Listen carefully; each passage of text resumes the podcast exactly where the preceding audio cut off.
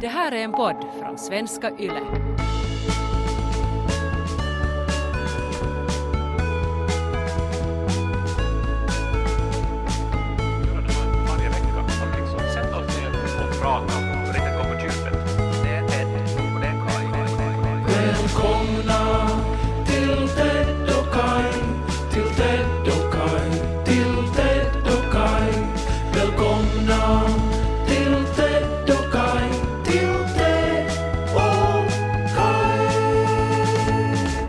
Kan vi börja med att prata om den här Duplo-gubben?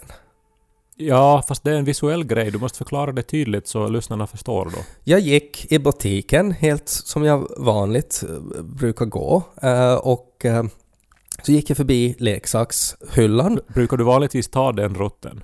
Jag brukar oftast gå den rutten för jag tycker om leksaker. Jag är intresserad av leksaker och försöker alltid ha en så här framförhållning när det kommer till Lo så att jag lite vet vad, vad, vad utbudet är så att eh, han inte blir besviken sen om han har för stora förväntningar.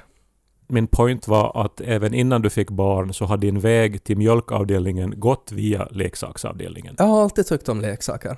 Oberoende så gick jag förbi legorna och där så fanns det en byggsats som på något sätt fångade mitt intresse och jag gick närmare och så stirrade jag in i mina egna ögon. Jag tog alltså ett foto av det här, jag har satt det i Ted Kajs omklädningsrum. Men det finns alltså en Lego Duplo byggsats med en gubbe och en pizzaugn och en hund. Och den här gubben ser exakt ut som jag. Alltså samma skägg, samma blåa ögon, samma bruna hårsvall. Alltså det är exakt jag. Och han står alltså vid en pizzaugn och gör något som ser ut som en margarita. Ja. Och det här, det, det, var, det väckte så mycket känslor. Alltså delvis var det som en sån där Alltså som jag tror kan vara liksom lite samma känsla som att man skulle liksom hitta en voodoo-docka av sig själv. Att vad är det här för svart magi? Det var liksom min första, min första känsla. Sen blev jag på något sätt eh, så här att, nej men är det här på riktigt? Alltså att, Eh, har jag på riktigt inspirerat till den här eh, uh, byggsatsen? Och eh, liksom några sekunder tänkte jag det och, och på något sätt uh, fantiserade om hur många människor som ändå lyssnar på den här podden i, i fabriken i Danmark och tänker att ja, ja, men att nu, nu, nu gör vi det här. För att det var så mycket Liksom det kan ju inte ha varit ett sammanträffande att de gör en gubbe som ser exakt ut som jag som håller på med pizza och som dessutom tycker om djur. Mm, ja, nå, du ser ju ändå ut som en ganska traditionell hipster nu för tiden. Alltså med ditt hårsvall och ditt skägg. Och eh, det som jag, alltså visst, jag, jag, jag håller med om att det var kusligt och med tajmingen och allting. Eh, Men det som gjorde mig ändå lite ledsen var att Tydligen så är vi människor så här förutsägbara. Alltså att också det här nu då, du introducerar den här trenden för Svenskfinland nu då. Men uppenbarligen har ju den här trenden existerat så pass länge ute i världen att eh, de här ingenjörerna dit i Köpenhamn på legofabriken har redan hunnit göra den här byggsatsen. Att så pass eh, vanligt och utbrett är det tydligen att eh, män i din ålder med ditt utseende gör pizza på sin terrass. Det som ju jag tyckte var, var då otroligt ironiskt var ju om man eh, lite till höger uppe i hörnet på den här byggsatsen så finns det en bild på barnet som, som leker med eh, legot och det barnet eh, liknar ju lite kanske Lo eller någonting ännu till och så är det som ännu mer kusligt då. Men där står också då att den här byggsatsen utvecklar social and emotional skills. Och det är ju otroligt ironiskt med tanke på att det är dig det liknar. Buen purmo puut puossar bottling Som talar sitt så popna popcorn. Så börjar vi. Popnödena popcorn. Så börjar vi. Lys på Ted och Kai När jag nu har eh, superhjälteexperten på tråden eh, så skulle jag vilja fråga hur du tror att Peter Parker känner sig när han eh, är där i high school. Eh, bara helt bland de andra vanliga eleverna. Ja, alltså trots att han har då en uh, great responsibility uh, och att han vet att han måste försöka kombinera det här vanliga tonårslivet med, med att vara superhjälte. Jag tror ju att han känner sig Uh, jag tror att han har en väldigt så här kluven känsla av att vara utvald för någonting extra, men ändå som att han har betydligt svårare än alla andra. Att han har ju precis likadana tonårsbekymmer som vilken vanlig tonåring som helst. Men han måste också fundera på att Dr. Octopus när som helst kan krascha in i skolbyggnaden och börja slunga omkring med rektorer och skolflickor. Och då, måste, då, då är det han som måste liksom göra något åt saken. Det var kanske ett misstag av mig nu då att rikta mig till, till superhjälteexperten, för det, för det var inte eh, sådana här detaljer jag var egentligen ute efter. Men om jag då tar som så, Eh, Eh, det var för några år sedan eh, så ordnades en litteraturfestival, Helsinki Lit, här i stan. Och då var en man som heter Domenico Starnone här och hans eh, fru. Och det hade alltså gått rykten då ett tag om att det var de som ligger bakom pseudonymen Elena Ferrante. Nu vet jag inte om du har hört om Elena Ferrante, men eh, det är alltså en italiensk författare som har liksom tagit världen med storm. Alltså fått otroliga recensioner och sålt i miljontals eh, exemplar, de här hennes böcker. Det har också gjorts till en... Eh, är det en Netflix-serie, tror jag, som är baserad då på de här hennes romaner om Neapel? Okej, gör de, alltså är det mycket pizza? Det är nog inte jättemycket pizza. Nej, det är mer så här vänskap och liksom att växa upp och, och liksom ha, ha goda vänner och så här. Men kan man liksom läsa mellan raderna att varje måltid består av napolitansk pizza? Det tror jag inte. Eh, nästan lite rasistiskt det där. Att ja, du är från Finland, då äter du renskav och piroger. Inte är det väl rasistiskt? Nej, nej men det var, det var åtminstone är det lite enkelspårigt och förenklande. Nåja, men Jaha. i alla fall, det var inte min point nu. Men det var, alltså grejen var att den här Domenico och hans hustru då, eh, som heter väl Anita, så hon eh, var som här i stan då och möjligen var de vet du, världens mest kända författare just då. Men ingen visste säkert. Att det är liksom att det, den här pseudonymen, den här Elena, är liksom att, att det är oklart. Alltså det är en hemlighet vem som egentligen skriver Ja. de här böckerna. Ja. Och de här Domenico och Anita betedde sig på ett sätt som man skulle kunna anta att det är de som gör det då. Nej, men det var någon journalist nyligen då i The Guardian eller någonting som hade liksom räknat ut att, att ja, det borde vara dem för de hade undersökt någon bokföring och märkt då att de hade typ köpt 30 sommarhus nyligen och att eh, stilen påminde om Dominicos böcker och så vidare. Eh, Men det, det här är alltså inte bevisat, men det var ju förstås, gjorde ju det bara ännu mer spännande att man liksom såg dem där då stå där i aulan som helt vanliga eh, medelålders, lite äldre människor, men man, man som ändå tänkte att "Vä- t- tänk om det där är Elena Ferrante här i samma rum. Får jag bara ställa liksom som en, en, en parentesfråga här nu till en författare. Varför ska man välja att, att, att göra sådär? Alltså att man inte ska ha sitt eget namn, att det ska vara som en hemlighet att man har skrivit framgångsrika böcker. Nå, Alltså för att jag skulle förstå det om det är så att man vill skriva om någonting, någonting som man tänker att, att det här är bara någonting jag måste få ur mig och, och det är inte någonting som jag vill förknippas med. Alltså att om man vill skriva liksom, inte vet jag, men så här Game of Thrones uh, fanfiction som är liksom väldigt vinklat mot något visst uh, håll. Så då kanske man inte sätter sitt eget namn. Nej, precis. Alltså må, eh, många orsaker. Också om man vill skriva om någonting som är väldigt känsligt, väldigt nära ens eget liv och så vill man inte då vill du lämna ut människor i sin omgivning. Eh, eller om man helt enkelt vill jobba tillsammans med eh, någon annan eller en, en grupp och så vill man ha ett kollektivt namn. Eller så bara är det en kul grej. Inte vet jag hur de har resonerat. Eh, men de såg inte ut som människor som vill vara på röda mattan, ska vi säga. De var mera så här datalärare vid yrkesskolan i Jakobstad, liksom.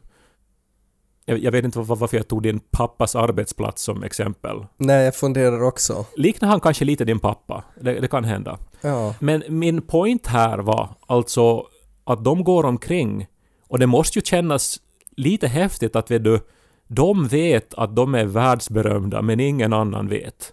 Eh, Det, det som jag är ute efter kanske är det här ordet storkukslugn. Har du hört om det? ja, jag har hört om det. Det är ju ett jätteanvändbart och, och, och roligt uttryck tycker jag. Ja, att de utstrålar liksom att om, om, om de blir intervjuade och så frågar någon sådär att tänk om ni skulle skriva en bok som skulle bli berömd över hela världen och ni skulle få så mycket pengar så ni skulle kunna köpa 30 sommarstugor. va, va, hur skulle det kännas och vad, vad, sk- vad skulle ni göra för, för, ja vad skulle ni göra då? Och så skulle de bara fnittra och säga "Tihi, ja, vi kan ju bara fantisera. Men så vet man då. Ja. Ja, nej, men jag är mera ute efter det här hur det måste kännas. Att veta att man har gjort någonting eh, som alla känner till. Alltså alla inom citationstecken här då. Förstås, alla läser ju inte eh, romaner och så här. Men, eh, men just då som Peter Parker, tänkte jag då, att han, han vet ju att det är ju, alla vet vad Spiderman är och vad Spiderman har gjort för fantastiska saker. Men de vet inte att det är han. Och det måste ju kännas... Vet du, han måste ju gå omkring där med ett otroligt självförtroende och vara så här nöjd inombords. Ja, nej, men det, det är någonting intressant i det där. Jag tycker det är också, det är också intressant sådär när, uh, när kändisar, uh, eller, eller överlag liksom människor med mycket pengar, uh, så kan ju liksom donera saker. Och oftast när man donerar så gör man ju då att man sätter liksom att den här donationen är, är, är liksom då gjord av, av Kai Korkiaho och så får du ditt namn på väggen någonstans och så är det liksom fint. Men då är det ju också, alltså på samma sätt så skulle man kunna tänka att, att du ska säga att nej, jag vill vara anonym. Alltså till exempel att det skulle finnas i Bennes så skulle det finnas den anonyma arenan. skulle det stå. Att, att det inte skulle stå att det är Anders Wiklöf som har liksom byggt den här. Nu ska vi ju inte eh, klanka ner eh, på någon som ändå har sett till att vår gamla hemkommun har en fin ishall. Eh, Men jo, klart att det kanske för eftervärlden och också för nutiden skulle ha varit lite snyggare om det skulle ha fått heta Bennes Arena eller Pedersöre Arena istället för Anders Wiklöf Ja, Arena. nej, men jag, alltså, det, det, säger, alltså det är ju någonting i det där, alltså lite som det samma känsla att man själv vet ju att det är jag som har sett till att den här redan finns. Och jag är helt okej med den vetskapen. Vi behöver inte ha mitt namn med stora bokstäver där uppe. Men det där är ju, alltså för ofta när det har pratats om storkukslugn så har det också nämnts motsatsen då.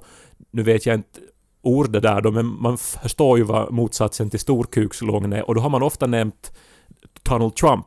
Eh, att vet du, någon som uh, då kompenserar då för ett eventuellt dåligt självförtroende med att eh, vara jättehögljudd, vifta mycket och vara så här på något vis eh, ängslig. Ja, nej, men om vi vill röra oss bort från könsorganen så kan man ju prata om hundvärlden också. Att den här lilla chihuahuan skäller ju alltid jättemycket.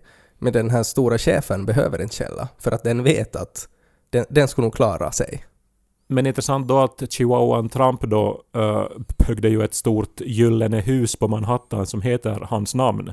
Och nu ska vi inte insinuera någonting då om Anders Wiklöf här, men Nej. att uh, Nej, men att man kanske måste eh, uppleva ändå att man behöver hävda sig. väldigt tydligt måste ju det här bli för de som gör röster till animerade karaktärer. För att de kan ju vara så att säga världskända, men ingen vet hur de ser ut. Mm. Till exempel de som gör rösterna till Simpsons-figurerna.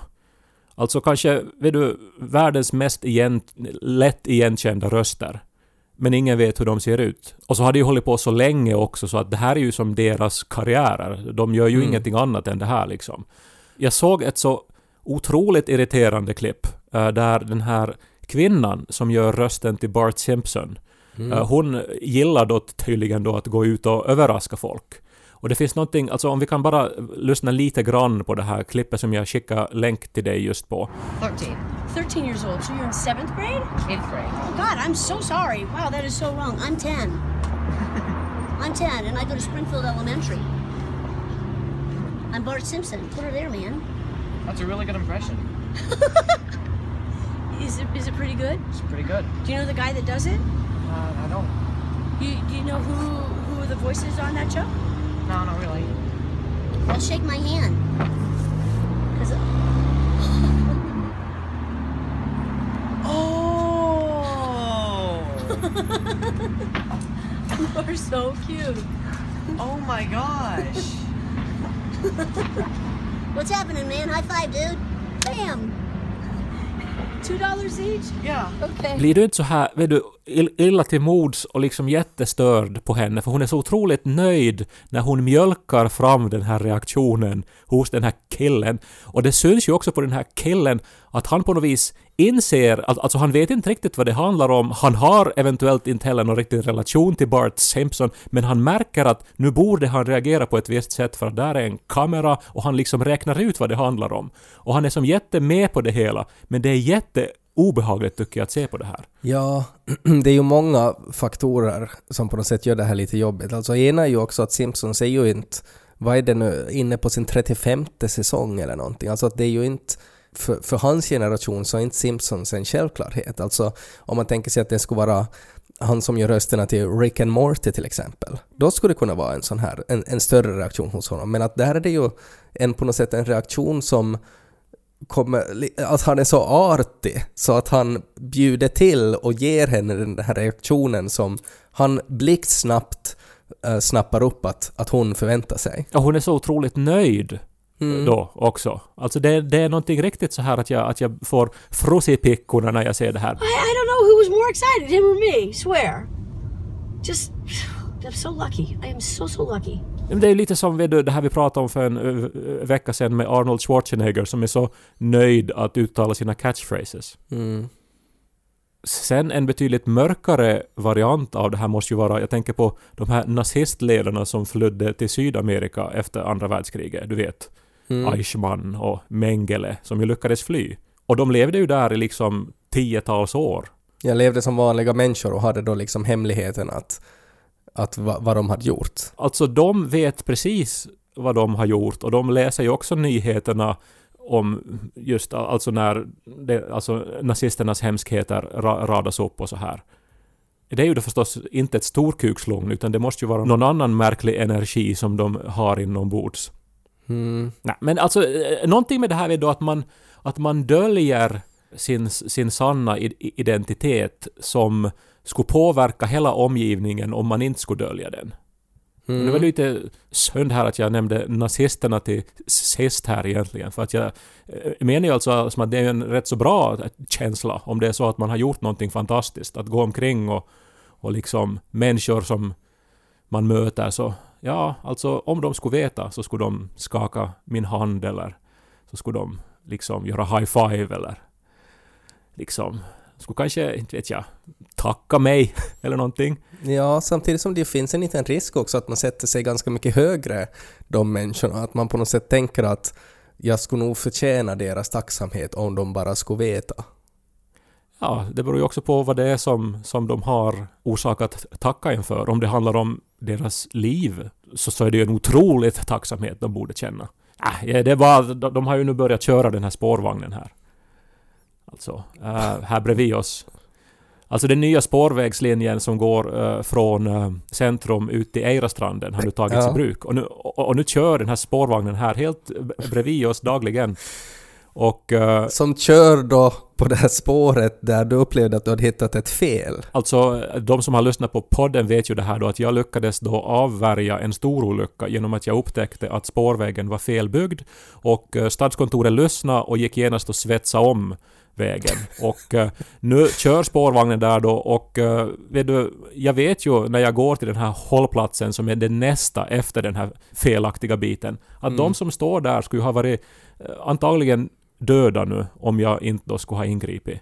Och jag tänker att, eh, jag menar, det är ju klart att jag inte förväntar mig tacksamhet. Men inte det är en dålig känsla att stå där och se på de här människorna som man har räddat livet på.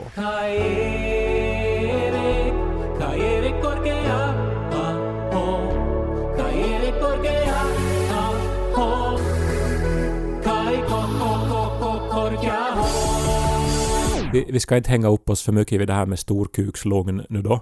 Eh, men någon sorts motsats till det hela måste ju vara att, att känna sig avkönad. Att på något sätt bli förnedrad nästan.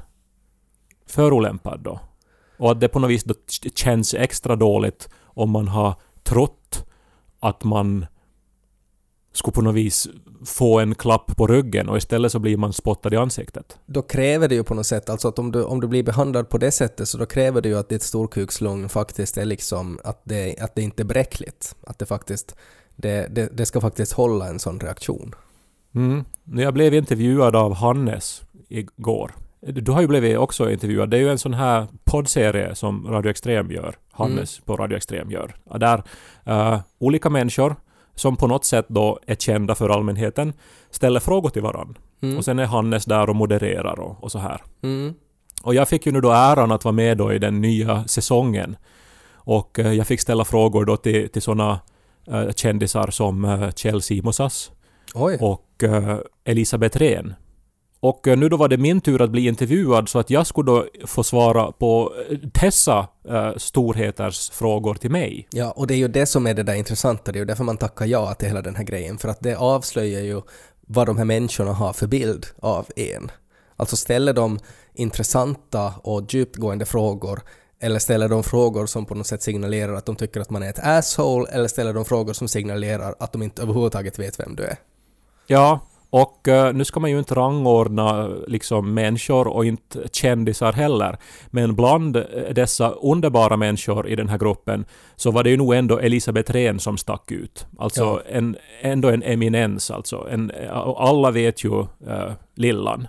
Och eh, hon är ju en, en fantastisk underbar människa som har gjort så otroligt mycket i sitt liv och sin karriär. Mm. Och jag la ju till exempel jättemycket tid på att fundera på vilken fråga jag skulle ställa till henne. Mm. Och eh, bland dessa frågor då så var det ju nog kanske hennes fråga då som jag motsåg då med mest förväntan. Ja, Och jag tänkte ju att oj, om det skulle vara nu så att Elisabeth nu då visar att hon har läst mina böcker och har någon fråga om, ja, hur det gick för någon av karaktärerna eller hur jag tänkte när jag gjorde den här scenen eller så här. Eller kanske något överraskande vid då det visar sig att hon har lyssnat på podden och så ja. här och, och skulle ha någon rolig fråga som anknyter till det. Mm.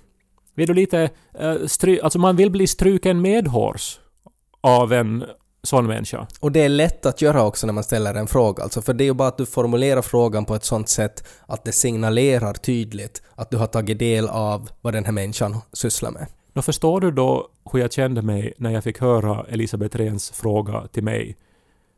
Och den frågan då var Vilken hundras skulle du vilja vara?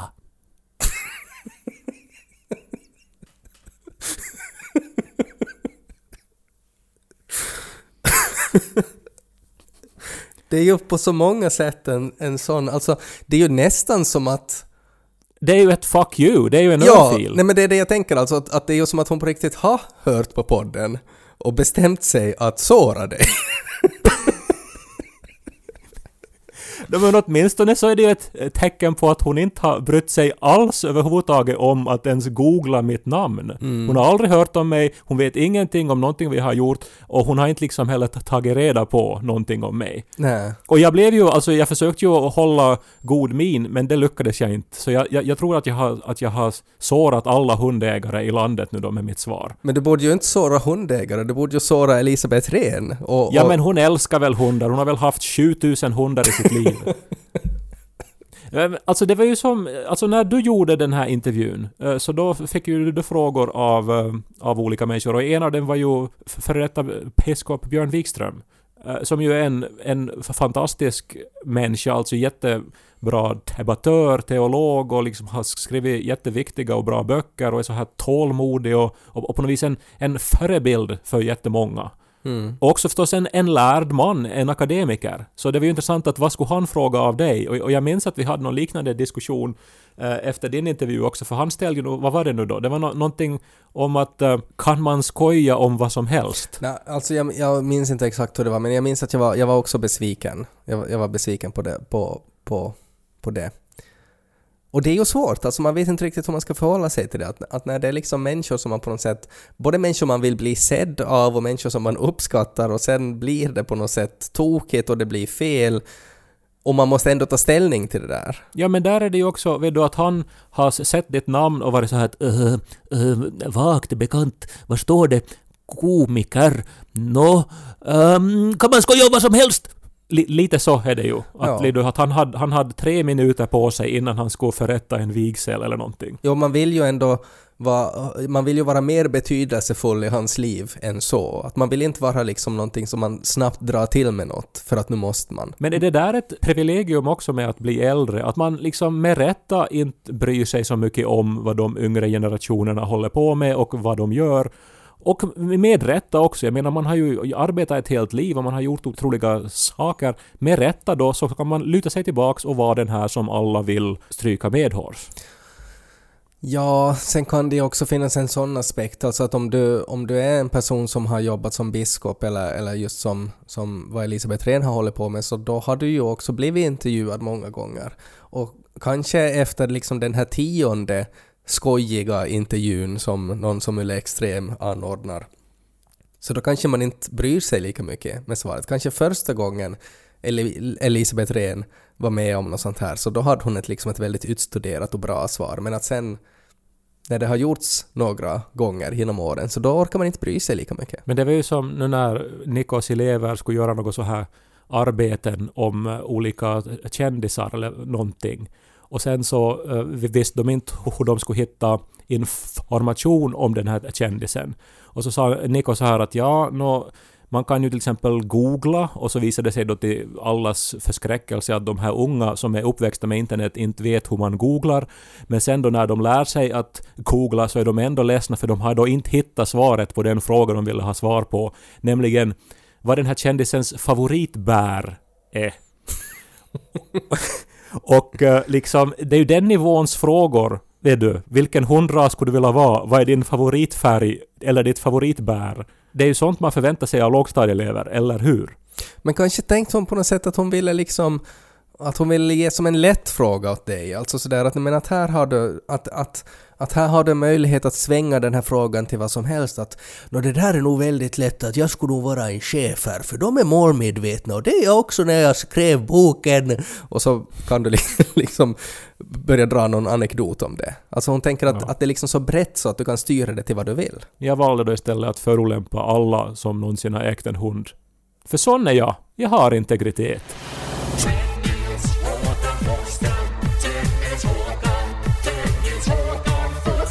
Då när jag var där i butiken och uh, höll i då min egen lilla Duplo-gubbe, så en annan tanke som också slog mig är ju att vad fint det här är för alla som är fans av den här podden, att nu kan man liksom skaffa sig en egen liten Ted med, med en, en eh, pizza och sådär. Och så började jag också fundera att, men vad synd också om det finns någon som, som tycker om Kai också. Att det inte finns liksom någon motsvarighet. Och då, försök, då letar jag också där bland hyllan. Att finns det någon, skulle det finnas någon som skulle på något sätt ha samma vi har ju pratat om storkukslugn och sådär, men som skulle utstråla samma liksom känsla, samma filis som du har. Ehm, och det var nog svårt. Alltså det, det, det var nog inte, fanns nog inga uppenbara kandidater. Det är ju eh, en jättefin tanke det här förstås, men jag menar eh, Alltså nu har de ju gjort såna här superhjälte-legon rätt så länge, så jag tänkte man borde ju kanske bara få, få de här kobbarna då att likna mig lite mera kanske. Mm. Alltså jag tänker då någon vet du som till exempel avvärjar en, en stor olycka med någon spårvagn till exempel. Men var det inte så att, att på sättet som du egentligen ville liksom uppmärksamma den här spårvagnsmissen då för staden var väl att du skrev alltså post-it-lappar eh, med, med liksom frågetecken och, och, och pilar som du satte vid, vid det här spåret. Ja, jag lämnar en arg lapp där, för det är ju så man protesterar Ja. bäst. Och jag, jag tänker att det finns, in, det finns ju inte riktigt någon superhjälte som, som jobbar så, tänker jag. Med arga lappar. Inte av liksom de superhjältar som existerar idag, alltså för det finns ju också till och med superhjälte Duplo, vet jag. Eh, Så att det, det ska också vara svårt. Men jag börjar också tänka att det behöver ju inte vara liksom en, det behöver ju inte vara en Duplo-gubbe som är Kais figur, utan att det finns ju många olika leksaker. Att finns det någonting annat som skulle på något sätt ha samma energi som du har?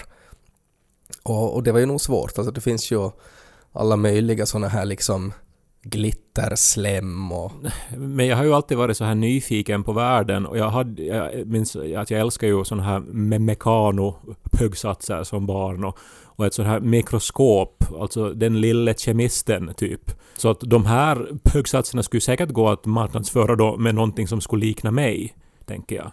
Men någonting lika tydligt som den här tydliga pizzabuggsatsen, så det saknas ju nog. Det fanns ju alltså i den här affären som jag var då i senast så hade de inte uh, Barbien heller. Att jag skulle nog helt kunna tänka mig, alltså för Barbien är ju ganska framåtsträvande i vissa fall, så att jag tänker mig att det kanske nog finns någon så här snygg Ken-docka som skulle hålla i en bok eller någonting. En progressiv liberal Ken. Men kanske, det här kanske också skulle kunna bli som en sån här uppgift åt alla underbara människor i Tedokais omklädningsrum. Att om ni ser en leksak som ni tycker att men det här utstrålar liksom Kai, eh, så kan, så kan det vara som ett litet uppdrag att försöka hitta en leksak som vi kan kombinera med min Duplogubbe som kan symbolisera Kai. Och sen har vi då ett sätt eh, som man kan liksom ha då eh, leka med där hemma om man vill leka Teodokaj-podden till exempel. Kom ihåg nu bara alla lyssnare att jag är kör efter Elisabeth Rehns fråga till mig. Så inget elakt. Jag klarar inte den här veckan.